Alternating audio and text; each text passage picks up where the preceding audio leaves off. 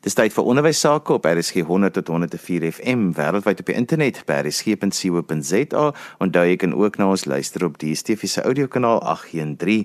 Die program is ons in die onderwys saam met my Johan van Lille. Vandag gesels ek met opvoedkundige sielkundige LZ Fritz en ons praat 'n bietjie oor sensoriese integrasie en wat onderwysers daarvan moet weet. LZ, dis 'n woord wat al 'n hele ruk met ons is. Ons hoor dit baie in verslae, ons lees dit baie in verslae en uh, onderwysers neem neem kennis daarvan, maar kom ons praat 'n slag oor wat presies dit is en wat beteken dit vir onderwysers. So kom ons begin by wat presies is dit? Goeiedag Johan en die luisteraars, baie dankie. Dit is 'n baie belangrike onderwerp want ek dink veral in hierdie tyd gaan onderwysers al hoe meer gedrag teekom in die klas wat hiermee gaan verband hou. So Jean Ayers het begin navorsing doen en is bekend as die een wat 'n kundige is in die gebied van sensoriese prosesering, sensoriese integrasie. En ons praat van sensoriese integrasie verstoring. En dit het te maak met ons kinders wat probleme ervaar om inligting wat via hulle sintuie hulle gegee word te prosesseer. So daar's 8 sintuie. Mense dink daar's net 5. So ons praat van ons kinders wat sukkel met die prosesering van geluide, auditief, aanraking, tas kinesteties. Die derde een is smaak. Met ander woorde, dis ons kinders wat baie keer baie stimuus is vir wat hulle eet en ek gaan nou 'n voorbeeld gee wat op elkeen van hierdie sintuie lê of wat die heeltyd aan iets wil suig. Die vierde een is visueel. Die vyfde een is reuk. Die sesde een is propriosepsie, so my liggaamlike bewussyn in die ruimte. Sewende is vestibulêr, so met ander woorde my balans, beweging en 8 is interosepsie. Dis met ander woorde my bewussyn van wat binnekant in my liggaam aangaan.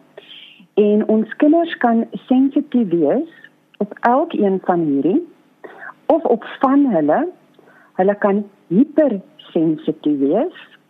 Met ander woorde, hulle word vinnig oorgestimuleer. So dis 'n bietjie soos my kind wat soos 'n krimpvarkie reageer. Die geringste stimule op een van hierdie sintuie is vir hulle oorweldigend of hulle is hyposensitief. So hulle is ekstreem sensories soekend. Ek is soos 'n boelie in 'n china shop. Hulle is eh, 'n uh, gevaar op twee voetjies. En die tipiese klaskamer gedrag wat ons kan kry as ons gaan dink wat onderwysers nou in die klas gaan ervaar. Dit kan jou kind wees wat nie stil sit nie. Wat die les onderbreek of wat half vries in die klaskamer. Hulle krimp in een. Jy kind wat nie aandag skenk nie. Jy kind wat teen ander kinders stamp. Kom nie agter hy's hardhandig met die ander kinders nie of baie sensitief is. Ander stamp die hele tyd teen hom of is net spasie. Jy kind wat vinnig ontstel raak as jy rotine verander. Jy kind wat baie maklik temper tantrums gooi, meltdowns het, vinnig oorweldig voel En met wat hierdie jaar nou al gebeur het, gaan on onderwysers van hierdie tipe van die gedrag in die klaskamer ervaar. En ek sou graag voorbeelde wou gee vir elkeen van die sintuie. So as ons gaan kyk na ons kinders wat baie auditief sensitief is, dan kan dit my kind wees wat met geraas, klein bietjie geraas, voel hulle oorweldigend. As daar lugverkoeling in die klaskamer is, dan pla dit hulle die kind wat agter gegil, kou met 'n penklik. Te veel. So dis my kind wat hypersensitief is. Of dis my kind wat baie keer geraas maak. Hulle kom nie agter hulle is steurend nie, want hulle soek daai stimule. Jou kind wat baie sensitief is vir tas, met ander woorde aanraking kan esteties. Hou nie van die gevoel van sekere klere nie. Nate, skoene, verkies sekere kouse om skoolklere aan te trek na die grendeltydperk is vir hulle aaklig. Of dis jou kind wat die hele tyd aan goedjies wil vat, vat aan die maatjie, vat aan iemand se hare, vat aan juffrou se voorwerpe, die maatjie langsom se potloodpen, want hulle soek die hele tyd daai stimule. So ons praat van ekstreme na albei kante toe. Ek het gepraat van jou kind met smaak, jou finetjie eter.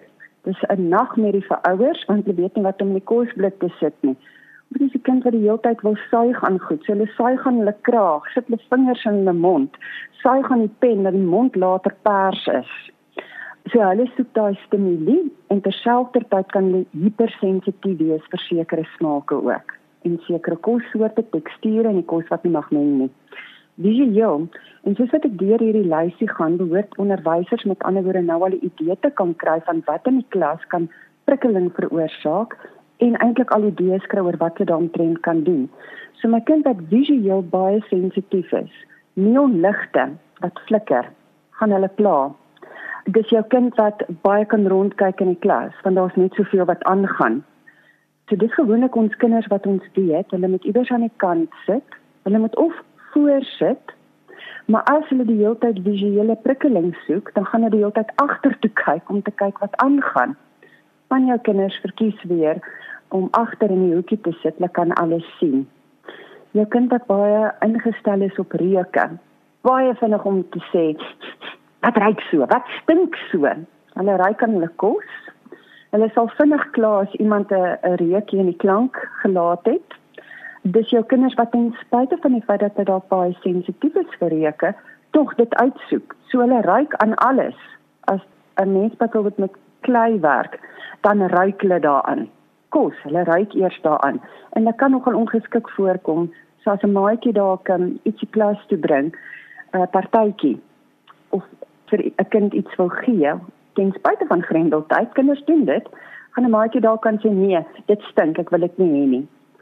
Op die propriosepsie so liggaamlike bewussyn in 'n ruimte hulle kom nie agter waar is hulle 'n posisie in die ruimte nie. So hulle stamp teen goed stamp teen tafels val oor tasse en hulle eie omgewing lyk baie keer chaoties vestibulêr balans en beweging net soos die propriosepsie in bewussyn in die ruimte. Hulle soek daai stimulie. So dis my kindertjies wat kan wieg op hulle stoel. Hulle ry op hulle stoel totdat die stoel omval. So dis ons kindertjies wat baat by 'n kussentjie waarop hulle kan sit sodat hulle eintlik nog daai beweging kan hê al sit hulle op hulle stoel. Hulle hou soms van die stimulie onder hulle voetjies. So jy kry ook kussentjies wat hulle onder hulle voete kan sit. En ons weet dis van ons kinders wat baat by gewiggies wat in hulle sakke gesit word sodat hulle eintlik daai gevoel kan kry van swaarte. Dit help ook op die interosepsie dat hulle gevoel kan kry van wat in hulle liggaam aangaan. So het ek nou 'n klaar 'n klompie voorbeelde genoem van waarop onderwysers attent kan wees met moontlike idees vir wat hulle al in die klas kan doen. Alsit oor introsepsie, dit is natuurlik die sintuig wat vir die meeste mense onbekend is en onderwysers gaan ook sê, maar wat het ek nou eintlik met die binnekant van 'n kind se liggaam te doen behalwe dat as hy pyn ervaar en ongemak? Die onderwysers verstaan nie, dit het 'n impak op hoe hard gaan 'n kind byvoorbeeld op die papier druk. As daar aktiwiteite is wat skryfaktiwiteite is, die kind kom nie agter en dit het nie net met die visuele te maak nie, want ons weet dit kan ook 'n rol speel. So hulle werk kan baie keer ontsettend slordig vertoon. En dan sit suiwer omdat die kind nie daai sensasie het van hoe hard of hoe sag. Hoe stabiliseer ek? So hulle kan nie daai interne boodskappe wat hulle ontvang, kan hulle nie goed reguleer nie. Jy luister na ons in die onderwys op RSG 100 tot 104 FM wêreldwyd op die internet by rsg.co.za. Jy kan ook na ons luister op die Stefiese audiokanaal 813. Ek is Johan van Lille en my gas vandag is Elzet Fritz. Ons praat oor sensoriese integrasie en wat onderwysers daarvan moet weet. Elzet in die eerste gedeelte van vandag se program het jy nou so mooi verduidelik van die ag sintuie, maar kom ons praat 'n bietjie oor die integrasie gedeelte. Hoe moet daardie balans wees en en hoekom is dit van belang aan die einde van die dag? Hierdie is die domein uitsluitlik van die arbeidsterapeute, maar op die ouene werk die arbeidsterapeute ook in 'n span, 'n multidissiplinêre span. So hulle werk in samewerking met die sielkundiges, die onderwysers en die ouers. Want as ons gaan kyk waar ons kind lê en ek het nou gesê hulle kan of vanaf hypersensitief tot hyposensitief en jy kan jou kind kry wat op elkeen van hierdie gebiede 'n uitval toon of net op van hulle jy kan 'n kind hê wat aan die een kant hypersensitief is, maar aan die ander kant ook hyposensitief is, wat dit baie gekompliseerd maak. So dis nodig dat 'n assessering moet geskied sodat ons 'n baie volledige beeld kan kry van 'n kind. ten einde die pad te kan aanwys van wat is dit wat onderwysers moet doen? Wat is dit wat die arbeidsterapeut gaan doen want hulle werk op die ou einde 'n program uit in samewerking met die onderwyser in sommige gevalle die sielkundige om vir die ouer die nodige begeleiding te gee en ook vir die onderwyser die nodige begeleiding te gee want dit kan verskriklik verwarrend wees vir volwassenes om 'n kind te hê wat aan die een kant verskriklik aktief is sensories soekend is, maar terselfdertyd hypersensitief is en terugtrek. So ek het al 'n kind gehad wat vir my gesê het baie intelligente kind en wat gesukkel het om stil te sit. So hy is uiteindelik aangemeld want die vermoede was dat aandag afleibaarheid hiperaktiwiteit en baie keer vir as hierdie diagnose gepaard gaande met ons kinders op op sensoriese integrasie of prosesering verstoring waar hulle uitvalle toon. En hierdie kind het vir my gesê, kan hy nie net 'n boks kry waarin hy in die klas kan sit sodat hy nie die ander kinders pla en hulle hom nie kan pla nie. Hy was hypersensitief vir wat maatjies vir hom gesê het as kinders in sy spasie ingekom het. As juffrou daar kritiek uitgespreek het want sy werk was verskriklik slordig. Hy kon homself nie reguleer in terme van sy werkstempo nie en wat aanraking aanbetref baie ingestel as mense in sy spasie gekom het. En geleidelik kon ons hom by die punt kry dat hy hy tawer kon raak. Dat dat ons ons praat van hy moet um, gemakliker in sy vel sit en 'n dikker vel ontwikkel. Geleidelik kon ons daaraan werk, maar dit vat baie tyd en baie geduld en dit vat spanpogings. Els het ek wil gou vinnig praat oor die toetsing daarvan want dit is baie keer vir mense baie abstrakt. Ek was onlangs dat ek my hand laat opereer en dit was so interessant. Ek het toe nou saam met 'n arbeidsterapeut 'n wonderlike een in die Kaap gewerk en dit was so interessant vir my hoe sy die tassintuig op my hand getoets het met sulke klein pennetjies wat amper lyk soos 'n klein haartjies wat sy dan druk op jou hand en hoe jy duidelik dan kan voel watter vingers het nie tas nie en watter uh, sinewe stuur nie boodskappe deur nie. Hierdie is 'n baie gespesialiseerde veld om te toets of die brein die regte inligting kry. Dit is inderdaad so die die arbeidsterapeute wat um, ek sê dit nou met groot oordeelkundigheid hierin spesialiseer want dit is 'n baie meer gevorderde spesialis area en mens moet verdere opleiding daarin kry omdat dit ook gepaard kan gaan met angs en trauma en daarom werk hulle in 'n span. Hulle het gewoonlik sekere materiaal in hulle kantore en in die ruimtes waarin hulle werk met die kinders. So vanaf die klein trampolines tot daai borseltjies waarvan jy nou gepraat het met die pennetjies, bokslaan sakke, hangmatte waarin die kind kan sit om te kan kyk maar hoe gaan hierdie kind voel as hulle in die ruimte is. Want dis een van die die ervaring wat hierdie kinders het. Hulle feel lost in space, asof hulle 'n ruimtetuigmannetjie is wat iewers in in die ruimte is. Hulle het baie groot yoga balle waarop hulle die kind balanseer en ek ken selfs arbeidsterapeute wat met volwassenes werk waar dit nooit geïdentifiseer is nie. Hierdie mense het maar groot geword en net gedink hulle is baie moeilike kinders en later baie moeilike volwassenes want hulle is net so finetjie en dit affekteer op die ouene die selfbeeld en die selfvertroue en daarom werk die arbeidsterapeute in 'n span dat elkeen die verskillende domeine kan aanspreek. Maar om terug te kom wat in hulle kantore is en in die terapeutiese ruimte sodat baie spesifieke materiaal per se om die tas te kan eksploreer sag hard skierpapier om te kan kyk waarvoor is die kind sensitief. Hulle kyk vanaf die voete die hande Ek het gepraat van daai sensitiwiteit vir nate, dan die beweging, dis waar die trampolien inkom, die balle. Hulle het sekere reuke, so vanaf die essensiële olies, want dit weet ons is 'n ander domein wat nou ook kan inkom om te kyk is 'n kind sensitief op die reuk aspek. Hulle het baie deeglike onderhoud wat hulle met die versorgers doen om te gaan kyk maar watse tipe babietjie, um, die geboorteproses, watse tipe kleuter, ook geneties want ons weet van ons kinders wat hierdie sensitiwiteite toon lê ook op ons autisme spektrum. Nie almal nie, maar baie keer word dit gemisdiagnoseer omdat mense so fokus op die sensoriese integrasie uitvalle of op die, die sensoriese prosesering verstoring dat hulle die ander diagnoses miskyk want daar is baie keer 'n paar diagnoses wat hand aan hand gaan soos ek het melding gemaak um, ons kinders op die hiperaktiwiteitsspektrum Want LZ dis vir my so belangrik dat as 'n kind vroeterig in die klas is of hy loop rond en hy kom voor as ongedissiplineerd of net stout soos wat baie mense dit maar sal sê, dat 'n mens dan nie net die eerste ding wat jy dink is o, ons sit te doen hierso met aandag afleibaarheid of so ietsie, want daar is soveel baie ander dinge waaronder sensoriese integrasie as een van die faktore is waaraan aandag gegee moet word en dat dit baie meer kompleks is as om net 'n kind as stout of vroeterig in 'n klaskamer te beskryf. Ja, dit is my so belangrik want ons sit met soveel volwassenes vandag wat skade opgedoen het.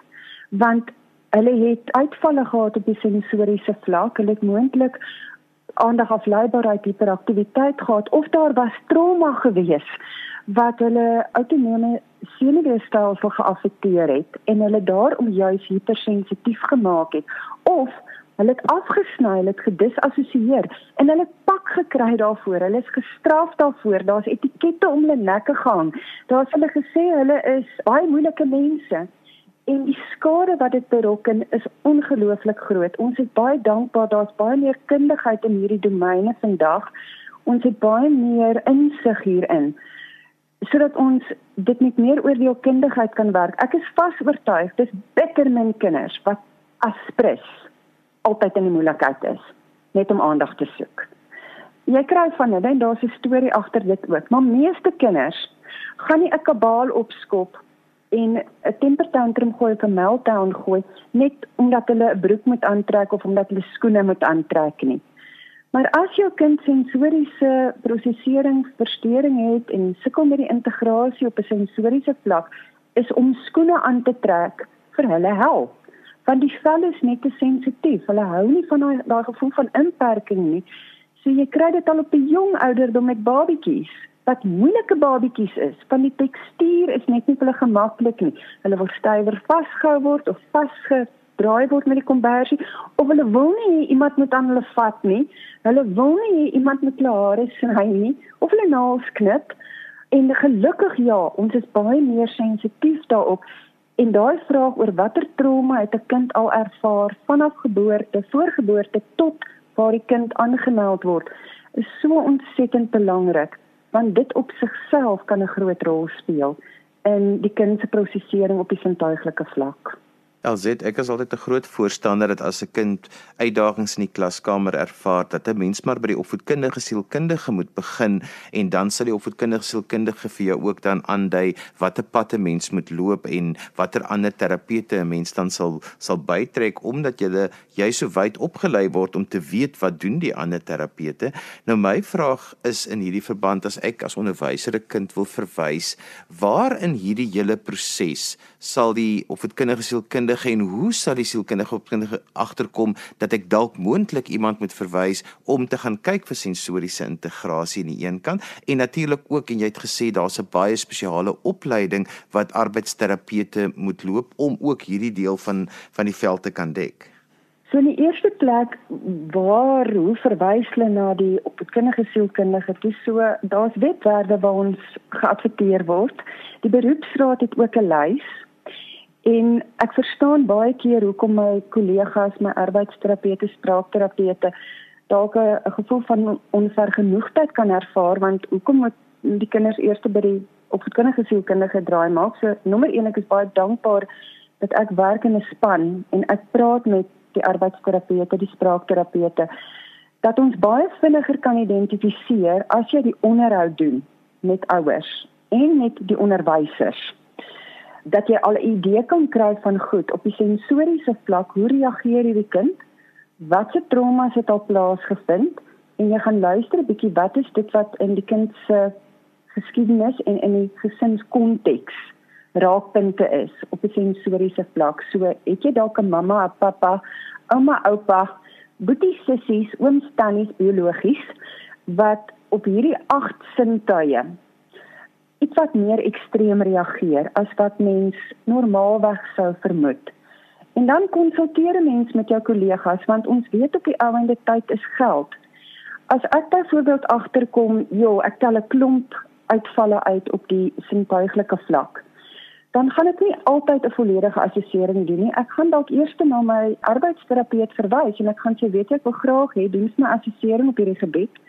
Kom terug na my toe want dan gaan ek dalk 'n idee kry, is dit vir my nodig om 'n volledige assessering te doen want daar's dalk iets anders ook dat ek nie die die ander aspekte gaan miskyk soos aandagafleibaarheid hiperaktiwiteit of is hierdie kind dalk op die autisme spektrum en ons gaan dit ook in ag moet neem. So ek kan nie genoeg beklemtoon ons moet in 'n span konteks saamwerk. Dit is vir my ontsettend belangrik. Want dan kry ons die geheelbeeld. Ons kan nooit sê die die een professionele persoon is beter opgelei as die ander een nie. Ons werk almal in konteks en in samewerking. Wat die addisionele opleiding aanbetref, ons is baie geseënd met uiters uitstekende kundiges soos mense soos Bessel van der Kolk en Pieter Lewin wat baie navorsing gedoen het op die domein van trauma, neurologie en sintuiglik. En ons kry baie inligting daar ook en die arbeidsterapeute neem ook ag daarvan.